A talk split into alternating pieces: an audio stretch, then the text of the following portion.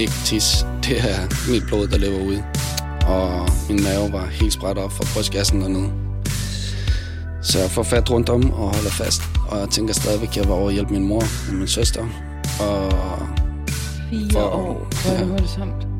derfor så kigger jeg op på en soldat, der kigger på mig. Og vifter et eller andet med hånden, og så lægger han sig ned og affyrer ni skud af. Og det ene rammer mig i hovedet.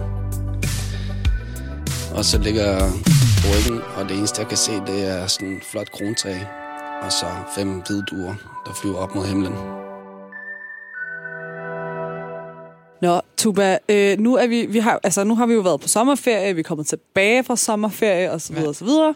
og i dag er vi jo så tilbage med et af vores... Et øh, ægte afsnit. et ægte afsnit. et godt gammelt format, som er, at vi jo har en gæst med. Ja. Eller vi havde en gæst i sidste uge, men han crashede lidt vores... Øh, Nå, studie. Lasse, Ja. Lasse jo ikke sådan en rigtig gæst. Nej, Lasse men han sådan- vil jo gerne være gæst. Han, han vil gerne være gæst, men han, er, han, er, Han er ikke en ægte gæst. Nej. Men vi har en ægte gæst I dag har vi en ægte gæst med. Og det er jo faktisk en gæst, som du har fundet. Yes. Vi har øh, haft den her ongoing for i ret lang tid, I- og til sidst så lykkedes det. Det lykkes, og det er Ja. også sådan, der er sgu meget, øhm, hvad hedder sådan noget, ikke struktur. Det hedder... Øhm, Øh, koordinering koordin- og planlægning. Ja, koordin- Jamen, der er et ord for det, jeg ikke kan huske lige nu, Øh, Ja, og det ja. synes jeg er sådan lidt skødt. Nå, logistik. Der Logistik, ja, ja, logistik. er der var meget logistik, der lige skulle Ja. gå op og så videre. For vores gæst kommer langvejs fra. Det gør han, men inden vi præsenterer vores gæst, kan du ikke lige prøve at forklare sådan, hvad var det ved den her gæst, du synes, der var sådan spændende at få med? Ja. Øh, altså, der er ikke nogen, der skal være i tvivl om, at jeg er user øh, 556789 på TikTok. Øh, jeg Ej, du interagerer... har et rigtigt TikTok-navn, og det har jeg fundet ud af, for du, sender mig, du begyndte at sende mig rigtig mange tiktok Jamen, jeg har lige ændret det. Okay. Men jeg vil sige, op til for nylig, ja, der Ja. har jeg været, øh, der har været anonym. Ja. Men jeg har sådan en bror, der bare følger en masse. Det er ikke, fordi jeg lægger noget op selv. Men øh, jeg altså, det har, har jeg fulgt... også no shame. Altså. Ah, du har lagt op. Nå, men det var før i tiden. Det Ja. var under corona lockdown og sådan Ja. Det er de sidste år. Men jeg er ikke så TikTok-sej, vil jeg sige. Nej, Jeg er ikke det modig. kan vi gøre dig. Ja. Det kan være, at dagens gæst kan hjælpe dig lidt på vej med din TikTok. Men altså, jeg fandt, øh, jeg fandt en familie tilfældigvis, da jeg sad, sad og scrollede øh, en gang. På sådan en Øh, For You-page, eller hvad? ja. ja. Og så tænker jeg, ej, det er hyggeligt. For det var en meget stor familie, og de hygger rigtig meget. Øh, så det var sådan rigtig hyggeligt at se, og jeg synes, det var lidt sjovt.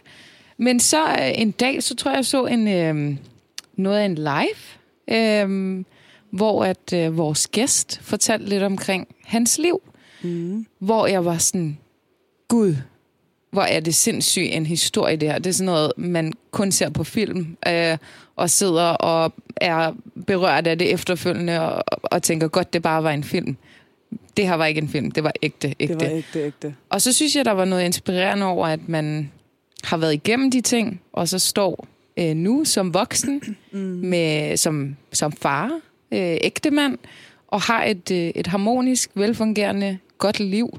Og det synes jeg, der var noget inspirerende over. Så jeg tænkte, den historie synes jeg, vi skal belyse i podcasten, Mm. men også, øh, hvordan vores gæst egentlig er kommet ud af det på den anden side, så at sige. ikke? Altså, da du fortalte mig om den her gæst, så tænker jeg, det lyder jo for sindssygt, det her. Ja. Så jeg er meget enig, og sådan, synes også selv, at det er meget, meget interessant. Øh, har ikke set noget af det her live, har prøvet at vende og finde en video på TikTok, hvor der måske blev beskrevet noget om det. Kan ikke finde noget. Der er meget sådan familiehygge og sådan mm. grineren ting, men jeg har ikke kunne finde det her sådan, om gæstens liv, så jeg ved jo ikke så meget Nej. om vores gæst. Øh, så jeg glæder mig faktisk. Jeg føler, at jeg skal have den live experience. øhm, men øh, skal vi ikke bare lige sige hej til Nihat? Jo, hej. Hej Nihat. Og velkommen til, velkommen til Sjælland. Ja. Jo, tak. Du har, Du er kommet hele vejen fra Bornholm. Ja. Og Det der er bor. Ja, det er langt. Ah, det er Hvor lang tid tager det egentlig? Det... Tager cirka to timer og et kvarter. Er det langt? ej, men det tager det ikke længere tid. Nej, en Jeg time, har- en time færgen og en time Det kommer også an på, hvor det du gør, ikke? Ej, men jeg har lige været i Skanderborg, og det tog fandme med tre og en halv time. Tog du, altså med, Med toget. Ja, det tager Det er, måske nemmere, det er nemmere at komme til Bornholm. Ja. Vildt nok. Jeg er, okay. Det må, jeg troede, det var sådan en halv dag. 12 timer.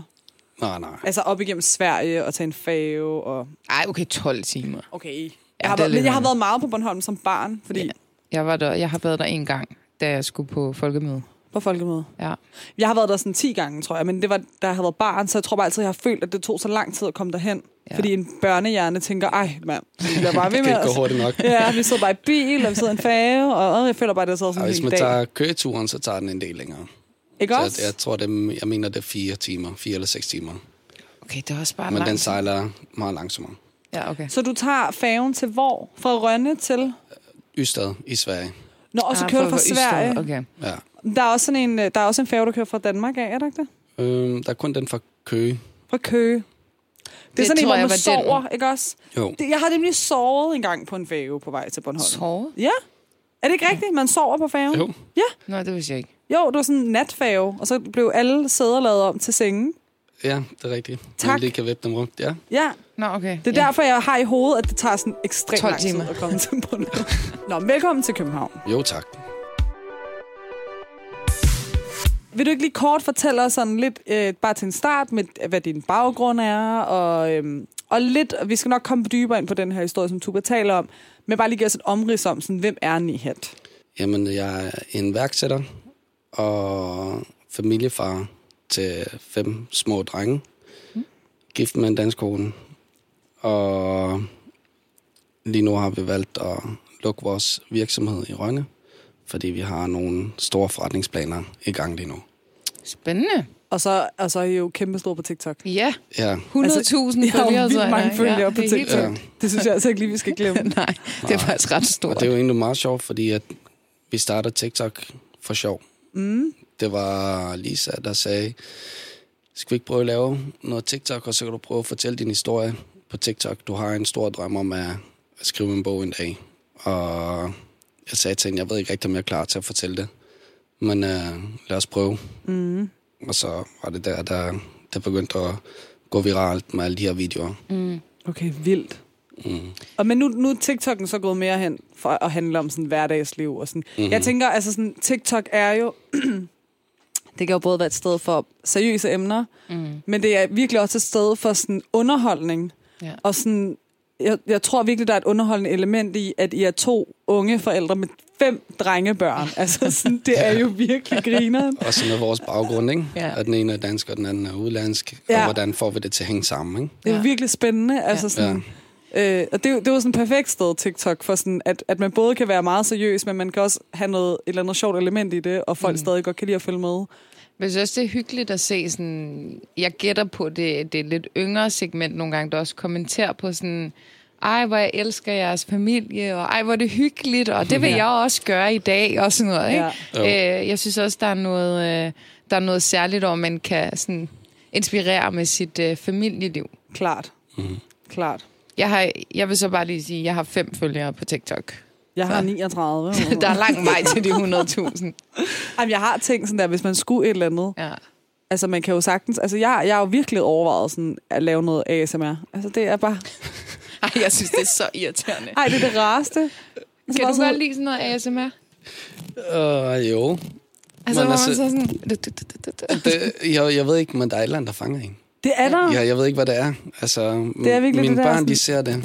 Ja. Ja, lige præcis. Ej, jeg tror, jeg skal skrue mine børn, de ser det. Jeg ja, synes, præcis. det fanger mig kun, fordi jeg synes, det er mega irriterende. Ja, men der, der, på, på en måde er det irriterende, men på et eller andet måde, så er det også bare...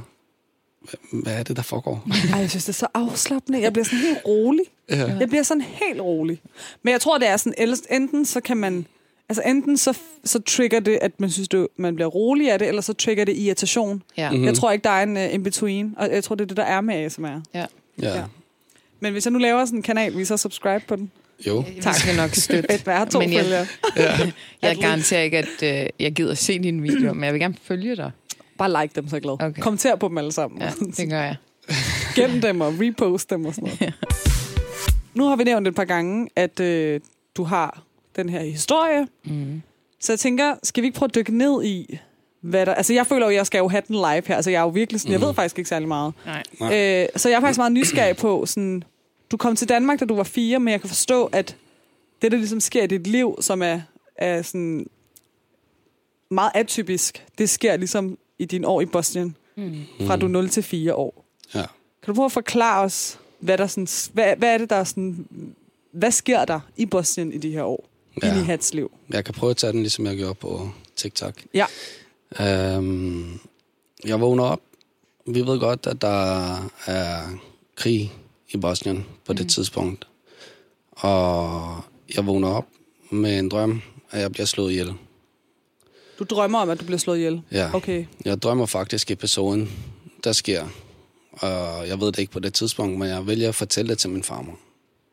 Og hun siger til mig, Nia, du skal ikke gå nogen steder, du skal blive hjemme. Fordi det kan godt ske, det du, du, har, det du har drømt om, det foregår derude. Mm.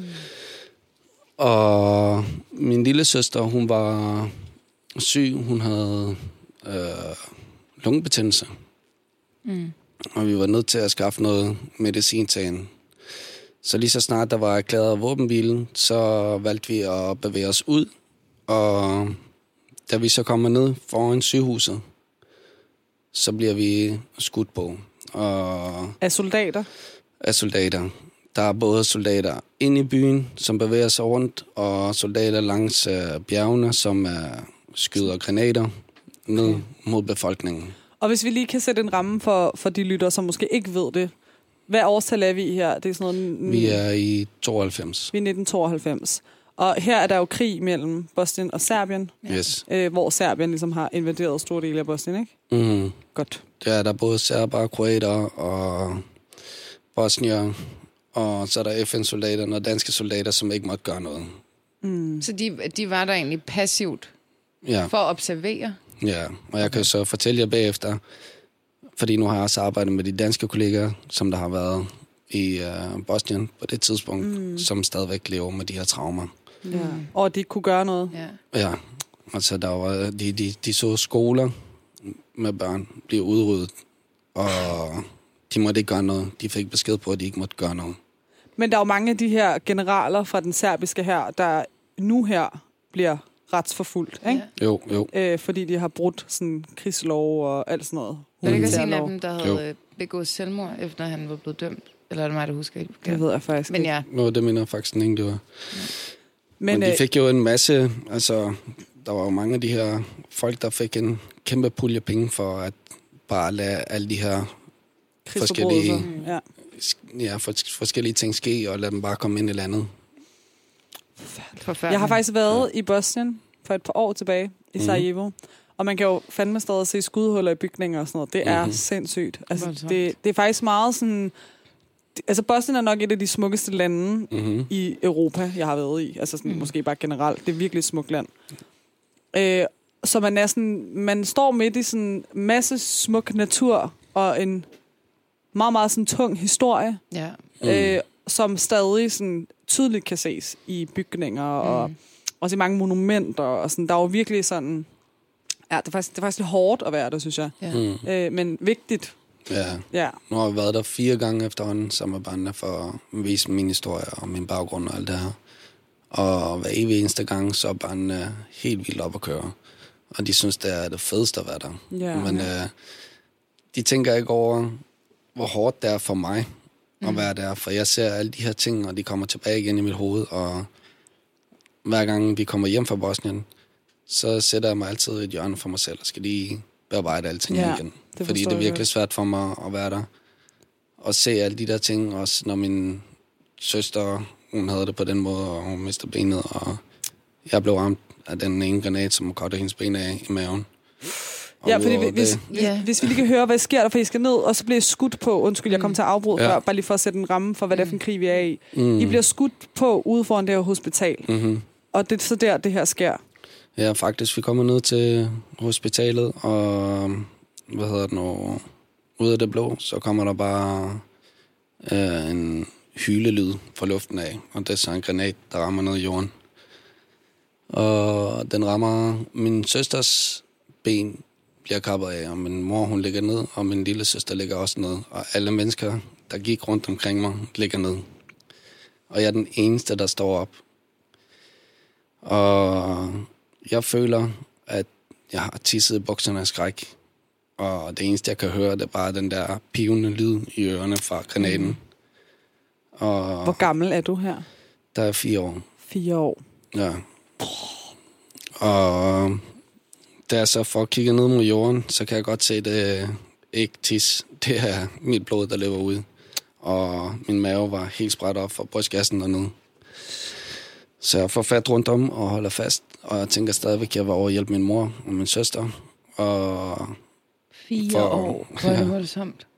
derfor har jeg så kigget op på en soldat, der kigger på mig og vifter et eller andet med hånden, og så lægger han sig ned og affyrer ni skud af, og det ene rammer mig i hovedet. Og så ligger jeg på ryggen, og det eneste, jeg kan se, det er sådan en flot krontræ, og så fem hvide duer, der flyver op mod himlen. Og efter jeg fortalte min historie til min farmor, så sagde hun til mig, at jeg kommer til at få fem sønner. Og det blev så virkelig. Ej, hvor sindssygt. Ja. Puha, Ja. ej. Men det vildeste af det hele er, at altså, efter alt det her, der er sket, så tager de mig op på operationsbordet og prøver på at hjælpe mig. Og min farmor fortæller mig historien, at de får gang i mit hjerte, og så går det ud. Så får de gang i hjertet, og så går det ud. Og det gør det tre gange, og efter tredje gang sagde de, at vi kan ikke hjælpe ham. Så de får smidt mig ned i en plastikpose, eller de her lige, lige poser. Og der ligger jeg så... Og efter tre døgn, så vågner jeg op. Man kan ikke få luft og kan ikke bevæge mig. Du Og ligget i pose i tre dage. Mm-hmm. Ej, som fireårig. Ja. Så de får mig så op, og for hende der rengøringsdame, der var der, det, hvis hun ikke havde været der, så havde jeg været død. Men hun ser mig og hører mig, og får kaldt efter hjælp, og jeg kan stadig huske de her lægers ansigter, og de blå masker, og spritlugten, og hospitallugten. Og så får de smidt mig op, og får hjulpet mig, men de kunne ikke hjælpe mig i Bosnien. Så de sendte mig til Split I i Kroatien. Kroatien, Kroatien, ja. og så direkte til Danmark. Og hvorfor Danmark? Jeg ved det faktisk ikke. Så det var tilfældigt, at du endte i Danmark? Ja, jeg troede, jeg var i Tyskland. Og du kom alene? Ja, altså jeg kom med min mor og min storesøster og lille søster til Danmark. Til Danmark. Men de var oppe på en afdeling for sig selv. Jeg Nå, lå I kom alle sammen til Danmark øh, i, i, på grund af sådan hospitals øh, hjælp, ja. hjælp. Okay. De kunne godt hjælpe min søster, og de kunne godt hjælpe min mor og de andre. Men de kunne bare ikke hjælpe mig. Fordi at øh, de havde brug for flere pladser til hospitalerne. Mm. Øh, så jeg bliver sendt til Danmark og bliver holdt der kunstigt i live. I hvor lang tid? Seks måneder. Ej, hvor er det sindssygt. Men så, altså, så, må, så må dit hjerte jo have begyndt at slå igen, efter de havde erklæret dig død. Ja, de, de, Det er jo- sagde, de sagde, at det følger rytmerne, men de er bange for, at hvis de slukker på knappen, så er det det. Og de bliver nødt til at tage en chance. De kan ikke holde det kørende mere. Så de trykker på knappen, og det går i stå og starter. Og så bliver det ved med at køre. Ej, hvor er det. Det er så sindssygt. Altså, sådan, det, Ja. ja. det, det var også der, vi sagde, det, det her, det hører du i film. Altså sådan, det er Altså, sådan jeg, en mirakel. jeg, hold, da- altså, jeg er Ja. sådan helt... Øh, jeg vidste godt, at det var en... Altså, jeg, er på, ja, okay, jeg er sådan overrasket ikke over nogen- det. Nej, nej. Ja. Der er ikke nogen tvivl om, hvor voldsom. Nej, det er Øh, sindssygt. Men jeg tror også, været, sådan, men- når der er krigstilstand i et Ja. land, så bliver man jo nødt til at være tage hurtige beslutninger, og der er ikke så meget tid til at sådan, Ja. tænke på, øh, altså sådan, man kan ikke nøse så meget om, om de enkelte patienter, der ligesom er. Så det er jo derfor, at sådan noget bare sker. Altså, øh, og hospitalerne er sikkert overfyldte, fordi der er hele tiden folk, der kommer ind med Mhm. mangler et arm, mangler et ben, et eller andet, ikke? Ja. Fuck, hvor sindssygt. Ja. Altså, det var også det, min farmor hun sagde til mig, at jeg lå på bordet en halv time, hvor de havde prøvet på at hjælpe mig videre. Og efter en halv time, så lå der en kø af 10 andre mennesker, der manglede ben og arme og så videre. Ja. Og dem kunne de se en chance for. De kan ikke vente mere. Så det var bare videre med dem, og så noget med mig. Hvor er det voldsomt. Ja. Men hvilke, altså, hvad sker der med din mor og din søster?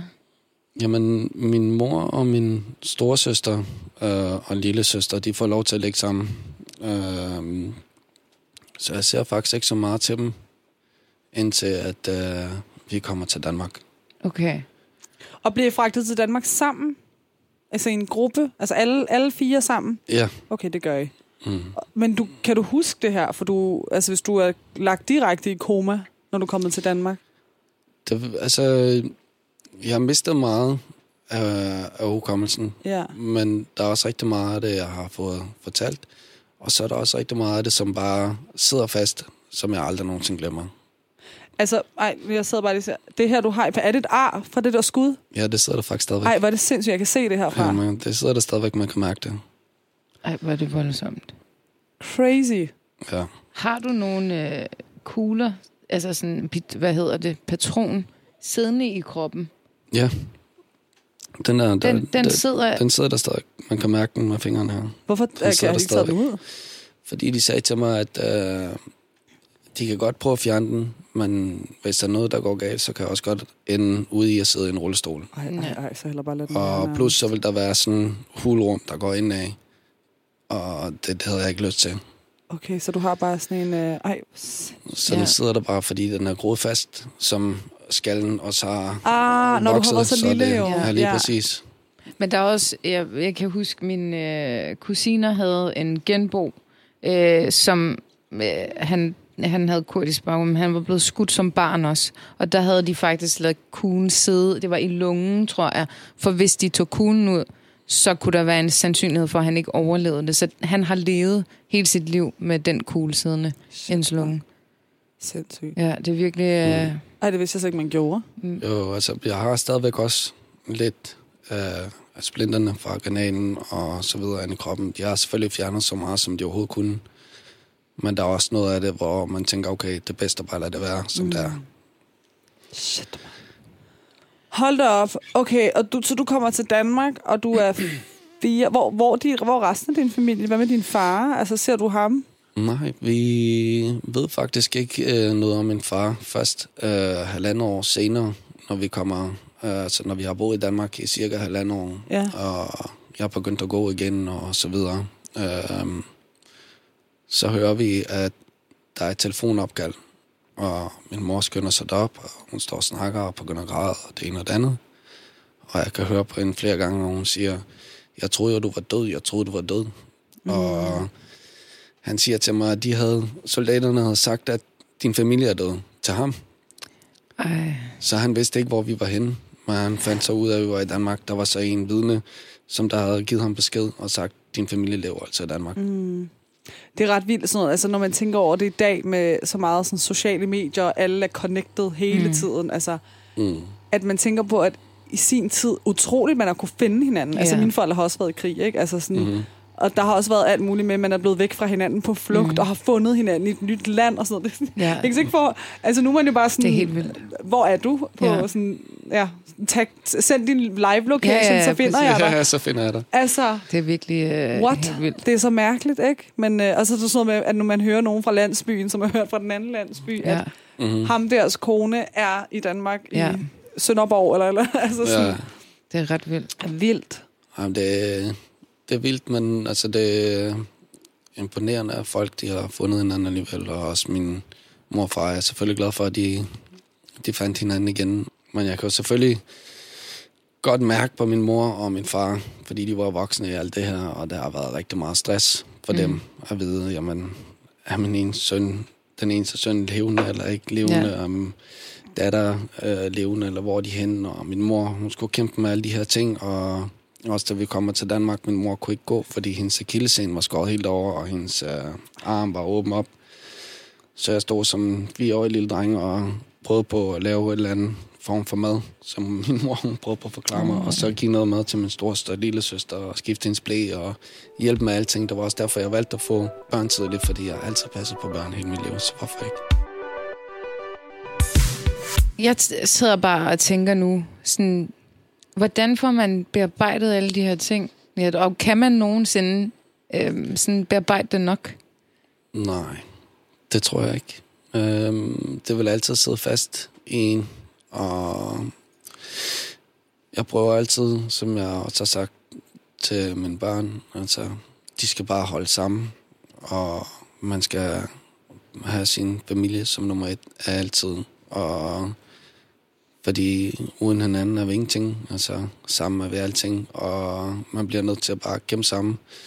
Og min familie kender min historie, og det er vigtigt for mig, at de kender min historie, og det er vigtigt, at jeg kan snakke med dem omkring det. Og også når de en gang imellem begynder at skælde hinanden ud og være dårlige søsken over for hinanden, så prøver jeg altid at sige til dem, prøv at huske tilbage på, hvor jeg kommer fra. Mm. Det her, det kunne også ske for jer. Hvorfor er I sådan der? I bliver nødt til at elske hinanden. I ved aldrig, hvornår I står op og ikke har jeres søskende mere. Ja. Vi ved det ikke, og vi ved heller ikke, hvornår vi står op, og ens mor og far er lige pludselig gået bort, eller, eller. det behøver mm. ikke være noget traumatisk, det er bare, vi har vores liv til låns, og hvor du tænker på, at du er en, ja, til de tidligste hukommelse, du har i dit hoved, til nu, så er det bare blink meget, Mm. og så er du her. Ja. Og sådan er hele livet også, og man bør tænke over det hver dag.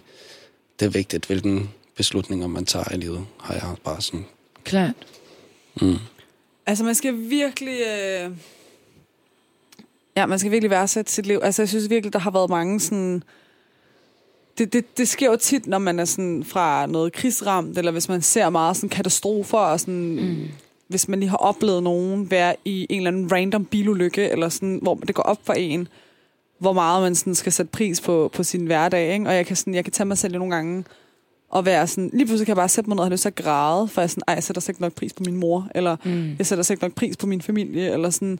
Mm. Og så kan jeg få det helt dårligt over det, ikke? Men jeg tror bare, det er virkelig vigtigt, at man bare husker at værdsætte alt, hvad man har, ikke? Og sådan virkelig nyder hvert øjeblik, og fortæller mennesker, man holder af, at man holder af dem. Altså sådan, Ja. Klart. og, og sætte pris på det, ikke? Altså sådan, og så måske bare nyde hvert minut, man har. Ikke? Altså Ja. ja. sådan, selvfølgelig kan man have dårlige dage, og man kan have dage, hvor man føler ad, og man er Mhm. irriteret over små ting og sådan noget. Men sådan overordnet set nyde sit liv og være taknemmelig for det liv, man har. Helt sikkert. Fordi shit, hvor der bare... Ja. Så jeg har det også mange gange. Altså, nu, nu, nu er man en far, så man kan ikke undgå at skille sine børn ud, når de laver noget, de ikke må. Men det er også bare vigtigt for mig, at inden de ligger sig til at sove, så går jeg altid op til dem, og så siger jeg til ham, prøv at høre, jeg var sur på dig tidligere i dag. Mm. Du må ikke misforstå mig. Husk, jeg elsker dig, og jeg vil altid være din far. Jeg er her for dig. Og giver dem en godnatkys, og siger til dem, husk nu, jeg hader dig ikke.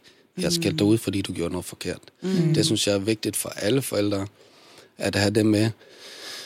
Fordi det kunne jo være, at hvem ved, at der er et eller andet, der kører ind i en, eller et eller andet åndssvagt. Der kan ske noget hvad, hvor som helst, og hvornår som helst. Mm. Så man ved aldrig, om det er det sidste gang, du har set dem. Så det er vigtigt for mig, at de ved, at jeg ikke hader dem, bare fordi jeg skældte dem ud. Ja, klart. og også hvis jeg har været op og skændes med min kone over et eller andet, fordi alting er ikke bare perfekt hver dag.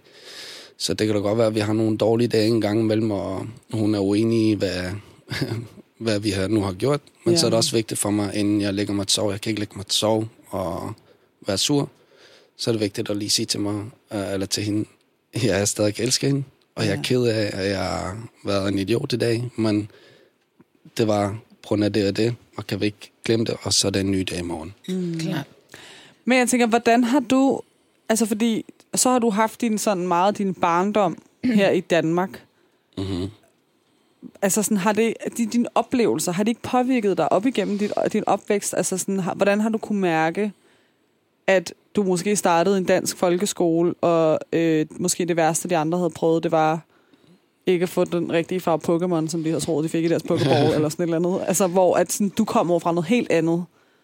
Jo, men det var faktisk rigtig svært, og så især på Bornholm, hvor jeg var den eneste indvandrer, der sad i klassen. Okay, så I, I, I kom til Bornholm med det samme, eller sådan ligesom der, du voksede op? Nej, altså vi, vi, vi, vi kom til hvad nu, Danmark hele året. Øh, og der gik jeg ikke i noget børnehave eller noget som helst. Øh, så vi bliver flyttet til Bornholm mm. i Rønne. Øh, og der bor vi på faktisk det, som der er 10. klasse centret i dag. Mm, okay. Øh, dengang der var det bare nogle boliger, som der stod tomme, så dem fik vi lov til at bo i. okay. Det var faktisk et lille værelse, der nok ikke var meget større end det her. Øh, Hvor en hel familie boede. Lige præcis. Så vi havde kun nogle madrasser, vi kunne ligge på, og det var det. Men vi var super glade, for Ja. vi var i trygge rammer, og mm. vi havde hinanden. Øhm, det var der, i hvert fald, da jeg var fem år, så startede jeg så i skole, og jeg var super glad og stolt over, at jeg startede i skole. Mm. Men senere hen, så blev jeg meget skoletræt, og magtede det ikke alligevel. Og det var meget på grund af, fordi at, altså jeg var den eneste indvandrer, der sad i klassen, og hver gang der skulle være nogle jokes, så skulle det kun være en joke som indvandrer, ikke? Mm. Og hver gang der er nogen, der har gjort noget forkert, så pegede alle fingre over på mig. Mm. Og selvom jeg ikke har gjort noget. Øhm, Man bliver bare skydeskiven. Lige præcis. Så det var bare sådan lidt for meget af det hele. Og det var også sådan senere hen, når man fik arbejdspladser, så var det altid pegefingeren på indvandrerne, ikke? Mm-hmm. Fordi Det det, vi. det er også det, man hører i nyhederne altid, ikke? Ja. Ja. Det er altid indvandrer, men hvis det er en dansk mand, der har begået noget, så er det en gerningsmand, der har gjort noget. Mhm. Men hvis det er en mand udlandsk baggrund, jamen så var det en udlandsk gerningsmand, ikke? Ja, ja. Det men skal lige er påpeges. Så Ja. rigtigt. Tror du også, altså sådan nu, selvfølgelig er der de her parametre med, at man trives jo heller ikke i konstant at være den, der bliver peget fingre af og sådan nogle ting.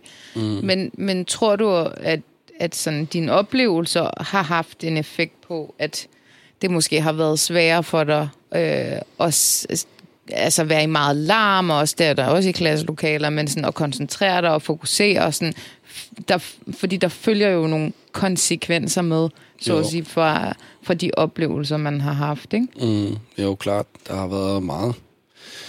Der har været meget, fordi for det første så skulle jeg faktisk øh, bruge rigtig meget tid på at skrive alting ned. Den kugle, jeg har fået panden, har gjort sådan, så jeg har fået en rigtig dårlig hukommelse. Okay. Så det var svært for mig at indlære på samme tid. Øh, også fordi mine forældre de prøvede på at lære mig alt på bosnisk derhjemme. Og Ja. skolen prøvede at lære mig det danske, grammatik og det ene og det andet. Så det var rigtig svært at mixe det hele sammen og huske alting. Øhm, og så var der også bare, hver gang, at de prøvede de her sirener af, så stak jeg af fra klassen. Ja. Jeg løb simpelthen ud derfra, fordi jeg hørte den lyd igen, og jeg tænkte, åh oh, nej, min familie er far, så jeg skulle bare hjem og redde den. ja. Så, Altså, de her prøvesirener. ja. Ja, i første onsdag i maj. Mm, Altså, jeg har jo også en far, der har været i krig, ikke? Altså, sådan hver første onsdag i maj, så øh, jeg får stress i hele min krop. Mm. Fordi jeg ved, at, sådan, at det vil påvirke ham på en eller anden måde, ikke? mm, Og jeg ringer altid klokken 11, og sådan, husk om en time, så går de her i gang, og det er ikke noget alvorligt, og det er sådan, det er så mange år siden, ikke? Men stadig den dag i dag. Ja, men det sætter et helt sæt i kroppen, altså det øh, får min adrenalin helt op, Ja. mm. og det, jeg ved ikke, det er, jeg kan sidde og ja, bygge et køkken eller hvad som helst, og så kommer den her sirene her, og så er hele min tankegang fuldstændig udlagt, så Ja. Det eneste, jeg har lyst til, det er at sætte mig et eller andet sted, så bare, wow, bare være for mig selv, eller stikke af, eller mm. et eller andet, du ved. ja. Men det har også været en voldsom krig. Nu prøvede jeg bare lige at google. Altså, sådan, det har jo været... ja Altså, der er 100.000 bosniske muslimer, der er blevet slået ihjel. Så det, mm. det betegnes også som et Mm. folkedrab. Øh, og det har 100%. været ved, præget af massakre og voldtægter og tvangsfordrivelser, koncentrationslejre og tortur. Altså, mm. så det er jo virkelig, virkelig nogle barske metoder, der har været brug. Øh, og det har været baseret på menneskerne, og ikke så meget... Øh, ikke fordi, at man skal sammenligne noget på den måde, men måske det, der foregår mellem Ukraine og Rusland lige nu, Mm-hmm. det handler meget om land. Altså, det handler om Europa land, Ja, hvor den her krig har handlet om en etnisk udrenselse, eller sådan en etnisk fordrivelse, ikke? Ja. ja, Øh, og, og det er jo også bare i sig selv fuldstændig traumatiserende det er det. at høre til den her gruppe befolkning, som alle har stået og kigget på, Mm. er- og været enige om, at dem udsletter vi, ligesom på en eller anden måde, ikke? Jo. Øhm, og 100.000 mennesker på 3,5 år, det er virkelig mange mennesker. Det er Mhm. så sindssygt. Men altså, det er måske... Ja, det er en af de største skampletter sådan, i, i menneskets ja. øh, historie. Ja. Altså, det var, det var virkelig, virkelig, virkelig voldsomt. Ja, Altså, vil jeg sige, vi, vi, vi så jo rigtig mange. Øh, jeg ved ikke, hvor, hvor meget de har noteret, fordi for det første i Bosnien, så er der rigtig mange mennesker, der bor der, som øh, ikke har nogen opholdstilladelse eller noget som helst, mm. som ikke er noteret i deres papirer derinde. Mm. Og man kunne jo se i, i byerne, inden alt øh, det her, der skete med mig, at der lå døde mennesker langs alle uger, og der lå helt fra små spædbørn til voksne, Ja. og der kom bare sådan en gravko og kørte den ned i et hul, og der kunne være, jeg ved ikke hvor mange, lige ned i, altså om der var 50.000 mennesker, eller hvor meget der lå, ja, det var helt sindssygt, altså det var et bjerg, som er se, jeg ved det ikke, hvis man har været inde på Bofa eller et eller andet sted, hvor der bare er bjerg og skrald, mm. sådan var det bare med mennesker. Bare køre dem ned i de her dybe huller, Ja. og så lægge låg på, ikke? Og min bedste ven, der også kom til Danmark på det tidspunkt, han troede jo også, at hans far han var levende. Men øh, først når han bliver omkring 22 år gammel, så siger de til ham, at han er død. Ej. Og de har siddet og ventet og ventet og ventet i så lang tid op. Ja, det er så og haft håbet for det, ikke? Ja.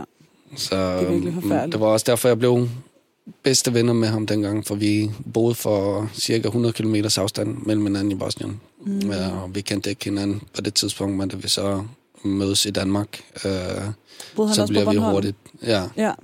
så blev vi lynhurtigt øh, rigtig gode venner, fordi han har to søstre, en storsøster og en lille søster, og på samme måde, jeg havde også en storsøster og en lille søster. Mm. Så vi var nærmest bare, ja, vi var meant to be best friends. Ja, ej, men det er også det, det der med, altså det har vi jo også talt om mange gange, sådan, i alle mulige konstellationer, er det jo Mm. bare noget, at det er sådan, det er jo det bedste, man kan som menneske, det er jo nærmest at møde nogen, der forstår en, Ja. mm-hmm. og, og være i sådan en eller anden form for samhørighed med andre mennesker, som kommer fra det samme som en selv.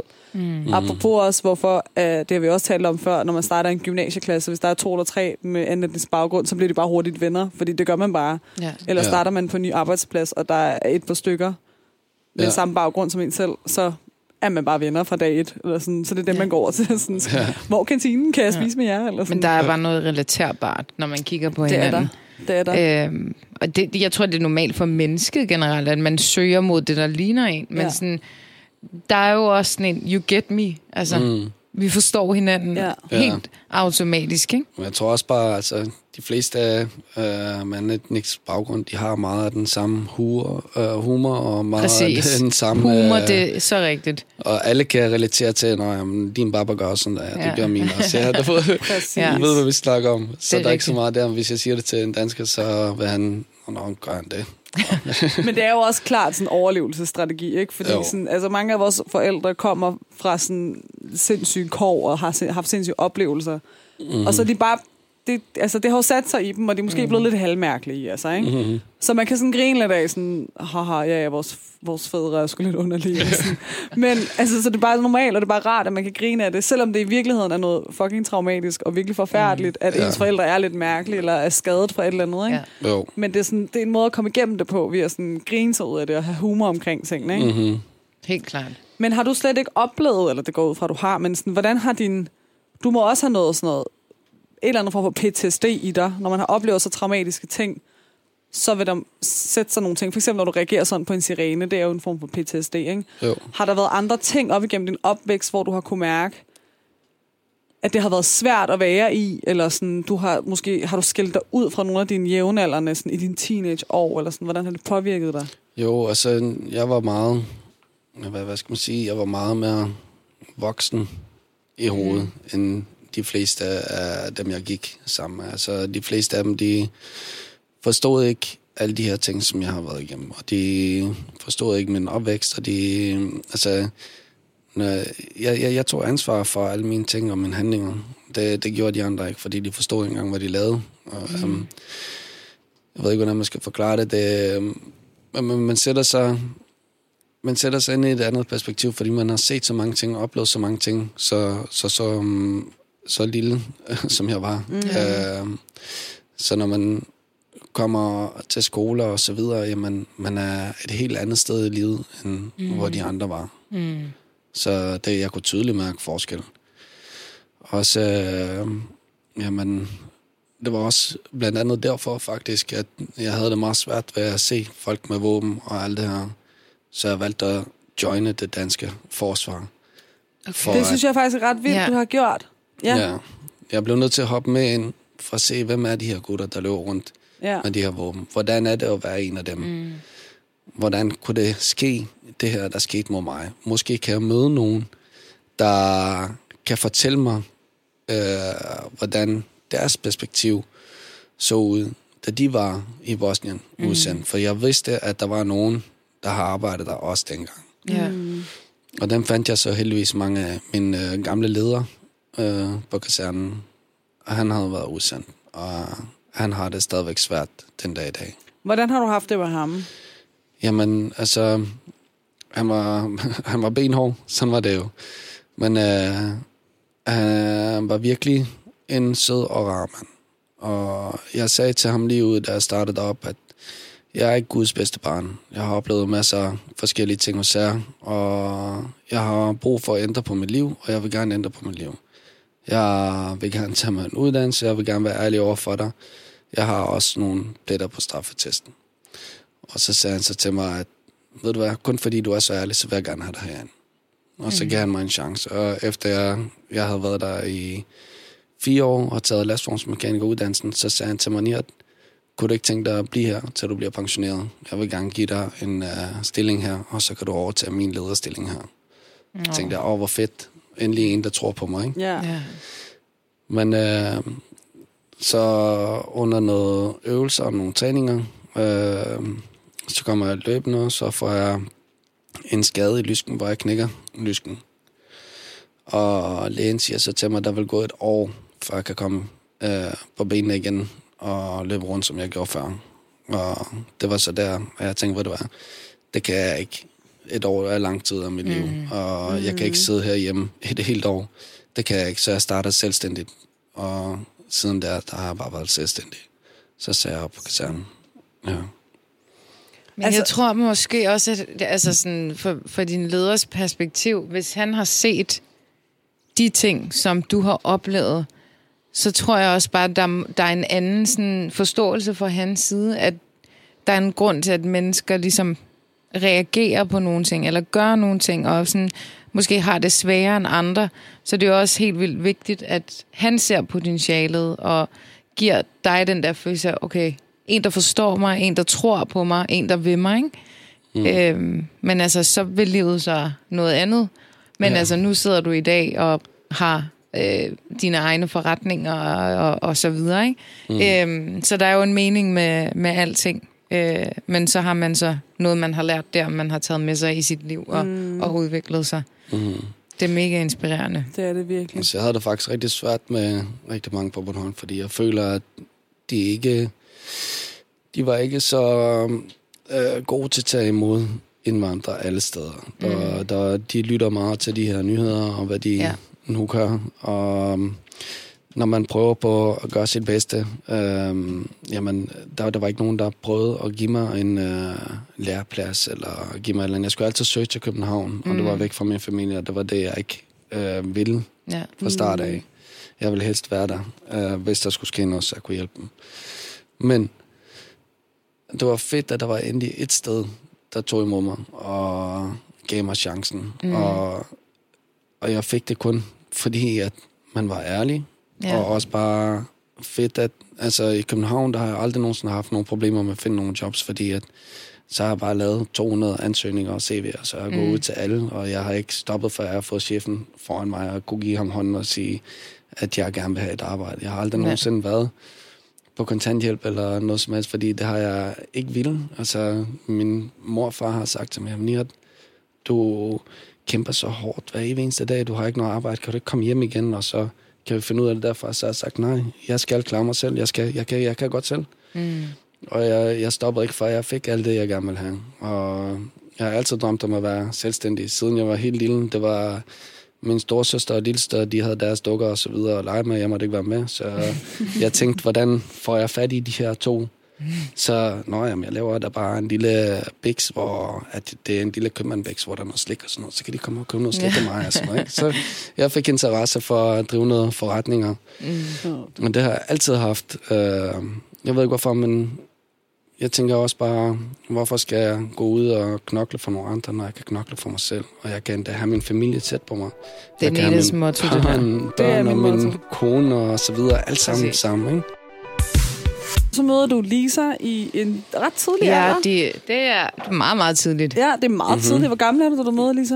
Øh, jeg er faktisk lige fyldt 15 år. 15 år. Ja. Er det ikke sindssygt? Jo, det er sindssygt. Men jeg sagde også, øh, da Anhat kom, så var jeg sådan, okay, du er 33, I har fem børn. Ja. altså, hvor, hvor gamle var I lige? Så det, Ja, øh, og du var så 19, da du fik din første søn. ja. Ja. Og ligesom var lige fyldt 20. Og ja, jeg driller hende lidt med det, men altså... ja, det er fordi, altså, hun, er, hun er født den 3. oktober, jeg er født den 28. oktober. Okay. Så man, jeg kunne ikke lade være med at drille hende. Ja, ja. Okay, så I, Men- I endte for samme årstal. Ja, ja, samme årstal. Men det sjoveste af det hele er altså, at vi er indregistreret lige efter hinanden på vores sygesikring. Hvad? Ja. Ja, Hvordan det, det? det, det er for mærkeligt. Altså, de sidste fire cifre er lige efter hinanden. Ej, hvor sjovt. Nå, ej, hvor sjovt. Ja, så hvis du forestiller dig, nu siger jeg ikke de rigtige tal, men Nej. hvis man forestiller sig, at øh, den hedder 1243, så hedder, hedder, hedder hendes 1242. Ej, hvor er det, Er det er sådan der, men jeg, jeg var sådan helt i chok, fordi jeg sad med et buskort på et tidspunkt, jeg havde lavet et buskort til, til, til os, og vi gik på handelsskole sammen. Og så kigger jeg så på hendes, og kigger på mit, og så siger jeg til hende, Hvad, har du lagt mærke til det her? Og så, nej, det havde hun ikke. Så blev jeg sådan helt, what the fuck? Hvordan, hvordan, kan det være? Altså, Det er sjovt, jeg er født i Bosnien, og hun er født i Danmark, ikke? Det er ret sjovt. Men så betyder det bare, at det var endnu mere meant to be. Ja, Og nu står I her, øh, still going strong med fem børn. Altså sådan, Mhm. mm-hmm. fem børn, jeg synes virkelig, det er sådan en wow-effekt. Impressive. Ja. Og så fem drenge. ja, Jeg tænker, at der er, der er lidt, øh, hvad siger man, sådan noget drengeballade. Ja, Øh, meget. og de kommer også tit til skade og sådan noget. Ja, vi har lige haft en, der brækker armen Ja. på en Er det. TikTok, du ved det derfra? Eller? Nej, det vil jeg sige. Men jeg kan det gætte mig fra. Okay, jeg vil sige, jeg var sådan en, hvad kalder man det, en drengepige. Det må man så ikke sige i dag, men Mm. jeg kommer også meget til skade. Men, men altså fem drenge, jeg, jeg føler bare, at Ja. de sådan giver hinanden op til, at det skal være vildt. Mm. Det kan jeg forestille mig. Men overvej lige, hvis du havde fem søstre, Nita. Eller fire søstre. jeg Fem vil, jeg vil jo ikke? bare gerne prøve at have en søster. Er det ikke hyggeligt? Bare Jo. sådan... Jo, jeg vil prøve, gerne prøve at bare have en søster for at se, Man bliver jo det aldrig føle sig ensom alligevel. Nej, det er det. tænker Altså, jeg. Jeg har en bror, men sådan, det, jeg, jeg vil gerne prøve at have en af samme køn som mig selv. Det kunne være lidt sjovt. Altså, jeg, jeg havde jo min storsøster, min lille søster, mig og min storsøster, vi var, altså, vi var bare nogle skøre tosser sammen der. Altså, det, det var vi. Først Mm. i starten, så var det meget min lille søster og min storsøster, de havde samme interesse, men øh, de lavede altid med deres dukker, og så blev jeg sur på dem og klippede deres dukker helt skaldet. så, Ej, hvis man har set så de Barbie ikke- movie, så ved man bare. så gad de ikke at lege sammen med. Så Ja. lod de mig at lege med. Øh, fordi du ellers så vidste stoppede så tatoveret jeg deres dukker, hvis øh, jeg ikke fik lov til at være med. Til alle Barbier i Barbieland, der er skaldet lige nu. Ja. Ja. Jeg vil gerne sige undskyld på den her vegne, og han har klippet jeres hår. Det er ham. Men okay, vi skal til at runde lidt af, faktisk. Mm. Men øh, jeg tænker, hvis du skal give et godt råd til dig selv som ung nu her, eller til andre unge, øh, sådan, både drenge og piger, men sådan unge i sådan 13-14 års alderen, hvor man måske har den allerstørste krise omkring, hvem man er, og hvad man skal med sit liv og sådan noget. Hvad, hvad vil de? Fordi jeg tænker, du er et menneske, der har sådan ret sindssyg livserfaring. Hvad vil et menneske som dig, der har oplevet de ting, du har oplevet, og nu er 33 år og er sådan ved at være godt dannet, Mm-hmm sige til en ung teenager på 13-14 år? Jamen, det var faktisk lige der omkring, at jeg begyndte at sige til mig selv, at nu er det tid til at tage sig sammen og få styr på sit liv og finde ud af, hvem er jeg. Og der er kun én vej, og det er at kaste sig ud i det. Nogle gange, så kan man hoppe ud, og man kan ikke bunde. Så må man komme ind igen. Andre gange, så hopper man ud, og man finder ud af, at man er rigtig dygtig til at svømme. Mm. Og det, det er lige præcis der, man skal ud. Altså, man skal ikke være bange for at hoppe ud i ting. Øh, tro på dig selv, og så kom ud og gør det, du tror allermest på. Og hvis du har en god idé, så lad være med at overtænke tingene.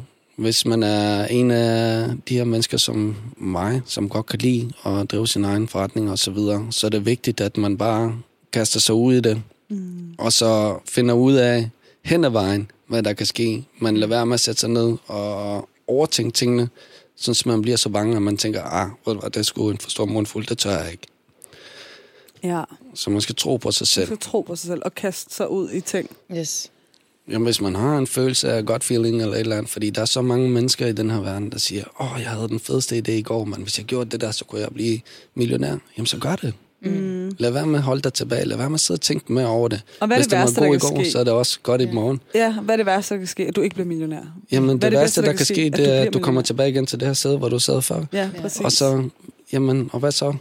Der er ikke nogen, der peger fingre af dig. Altså, nu har jeg haft forskellige virksomheder. Jeg har aldrig nogensinde gået konkurs. Jeg har prøvet det af, men jeg har aldrig nogensinde gået konkurs. Der er også nogle virksomheder, jeg har startet op, hvor jeg bare tænkte, okay, prøv at høre, det her det er slet ikke mig. Jeg havde en stor forventning om, at det kunne være sådan og sådan, men det er det ikke. Det, det gider jeg ikke. Videre til det næste. Mm. Man skal ikke være så bange for at kaste sig ud i tingene, fordi, at, ja, som du selv siger, det værste er, at du kommer tilbage igen til det samme sted, hvor du er. Præcis. Det synes jeg faktisk er et rigtig vigtigt råd. Det synes jeg Uanset, også. uanset hvad, altså, hvad det handler om i ens liv. Ja. Og så igen for at springe tilbage til mig selv. Altså, efter jeg blev ramt, og vi kom til Danmark, der sagde lægerne til mig, du kommer aldrig nogensinde til at gå på dine ben. Og to måneder efter, hvor jeg har fået træning, og blev ved og blev ved og blev ved, så står jeg på mine ben. Mm. Og de blev ved med at sige til mig, at jeg skulle stoppe, fordi mine hænder de var fyldt med vabler og begyndte at bløde, fordi der var kun sådan nogle jernstænger, jeg kunne holde fast i. Men jeg lyttede ikke til nogen af dem. Den eneste, jeg lyttede til, det var mig selv, og jeg ville gerne stå på mine egne ben, og jeg ville gerne løbe rundt og lege sammen med de andre. Ja. Og hvis jeg ikke har haft troen på mig selv, og jeg har bare givet op på mig selv, så har jeg siddet i rullestol. Mm. Sindssygt, mand. Så Det er virkelig vildt. man skal tro på sig selv altid. Men det er sådan, jeg synes virkelig, der er sådan flere historier med mennesker, der har fået at vide, det her kommer du aldrig nogensinde til at kunne gøre igen. Mm. Og så kommer der bare sådan en stemme ind i hovedet på mennesker, der er sådan, I'm gonna show you. Ja. Og det kan jeg fandme godt. Der er ikke nogen, der skal fortælle mig, at jeg ikke mm-hmm. kan det her. Ikke? Mm. Og så bliver det sådan en stedighedsting, og det er jo, hvis det er den bedste motivation, så er det der virkelig det. Altså, Ja. At kunne gøre det for sig selv. Ikke? Jo. Øh, Jeg, jeg vil faktisk sige, øh, når jeg hører din historie og dit liv, så vil jeg, jeg, jeg, jeg tager med mig sådan, og det vil jeg måske også bare sige til alle, der lytter med, at nogle gange, så kan man synes, at ens liv er så uretfærdigt, og så, øh, hvorfor har jeg oplevet de her ting i mit liv, og hvorfor skulle jeg have den her skæbne, eller hvorfor skulle jeg have de her typer oplevelser som barn, eller sådan. Der kan være mange ting, man kan sådan være fyldt op med vrede over, fordi det er ting, man især som barn ikke selv har været herre over, man har ikke selv kunne bestemme, så er det ligesom nogle andre faktorer, der har gjort, at man har oplevet de ting, man har oplevet. Mm-hmm. Men ligesom at give slip som voksen, og være sådan, that's in the past, og nu skal jeg frem, og nu skal jeg ligesom bare Mm. finde min egen vej at gå. Og de ting, jeg har oplevet i mit liv, har ligesom bare været med til at danne mig til den, jeg er. Jeg havde ikke været den, jeg havde været i dag, hvis ikke jeg havde oplevet A, B og C i min barndom, eller min Ja. ungdom, eller i mit eller mit familiestamtræ havde set anderledes ud, så havde jeg ikke været den, jeg havde været i dag. Så sådan, Mm. mm. tag nogle af de der meget, meget sådan, tunge ting fra ens bagage, og måske bare lige sådan lade dem stå, og være sådan, nu tager jeg den her taske af, og lægger den her, og mm. så går jeg bare videre, men tasken vil altid ligge her med mine oplevelser. Jeg Mm. bærer bare ikke på dem længere. Altså, Ja. Øh, og det er sådan, det, jeg synes, det er meget, meget inspirerende. Jeg synes virkelig, det er sejt. Ja. Mm. Øh, og jeg synes, det er sindssygt sejt, at du er... Altså, du lyder så simpelt, men at du er en velfungerende familiefar, Mm. Mm. på trods af... Og det er ikke kun ting, du har oplevet på egen krop. Det er også ting i dine familierelationer. Ja. Det er ting med dit land, og sådan, har været krig, og flytte til et nyt land. Og sådan, der, der er så mange aspekter i din historie, som er traumatiserende i virkeligheden. Mm. Øh, det er sindssygt rørende, og Ja. virkelig, virkelig altså, meget inspirerende. Ja. Det var det, jeg sagde til at starte med. Ja. Det er inspirerende, at man kommer fra...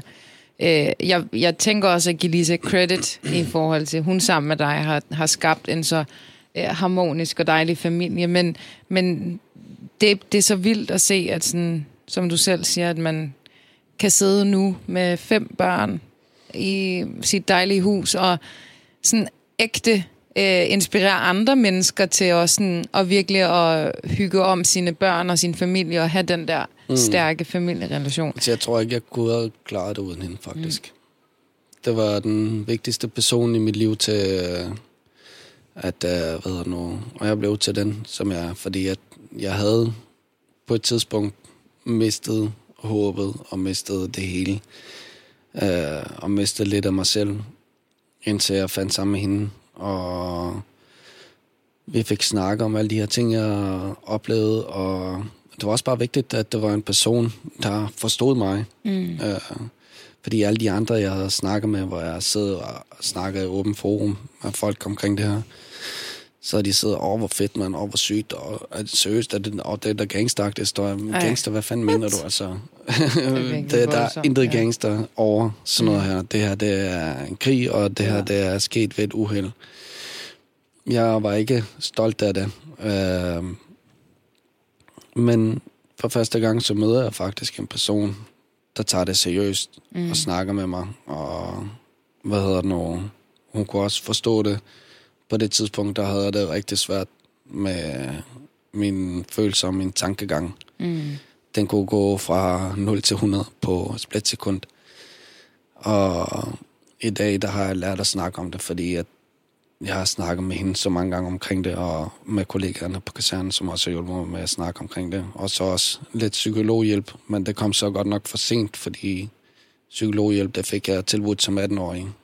Uh, Ja, hvor sindssygt. det skulle jeg måske det, have haft fra start af. Ja, det er meget, meget sent. Det er meget, meget simpelt. Men det snakkede vi også med Ejten Ja. om dengang, da han var inde i studiet. Ikke? Ja. At øh, folk, altså krigsflygtninge, eller sådan krigstraumatiserede øh, eks-soldater og sådan noget, de får nogle gange først, altså sådan 20 år efter, Ja, de, er kommer, de kommer til Danmark fra krig, Ja. for de tilbudt psykologhjælp. Det er 20 år efter, altså sådan, der har det bare noget at sætte sig i hver en vene og i hver en celle i hjernen, hvad der er sket. Og, altså sådan, det, er jo, det er jo alt for sent. Altså, de har, de har jo lavet test- og eksperimentforsøg, hvor det godt nok er øh, to rotter, der er inde i en øh, lille glasbur. Og hver især har en lille rotteunge. Og den ene, der kan moren gå ind og beskytte ungen. Og den anden, der har de lavet en lille afskærmning, så de kan fjerne nogen, uden at hun kan beskytte. Og der kan man se, at den ene rotte, der ikke kunne beskytte, øh, den er mega stresset og begynder at lave øh, hvad hedder det, nogle farlige ting over for sig selv og det ene og det andet. Mm. Øh, gør skade på sig selv, hvor den anden, der kunne have gjort noget, men babyen blev taget fra den alligevel, faktisk kan fortsætte med at leve sit liv. Ja. Og det er kun fordi, at øh, igen for at komme ind på det, at uskyldige mennesker, der er med i krig, har brug for hjælp med det samme, lige så snart, når de kommer mm. til et andet land.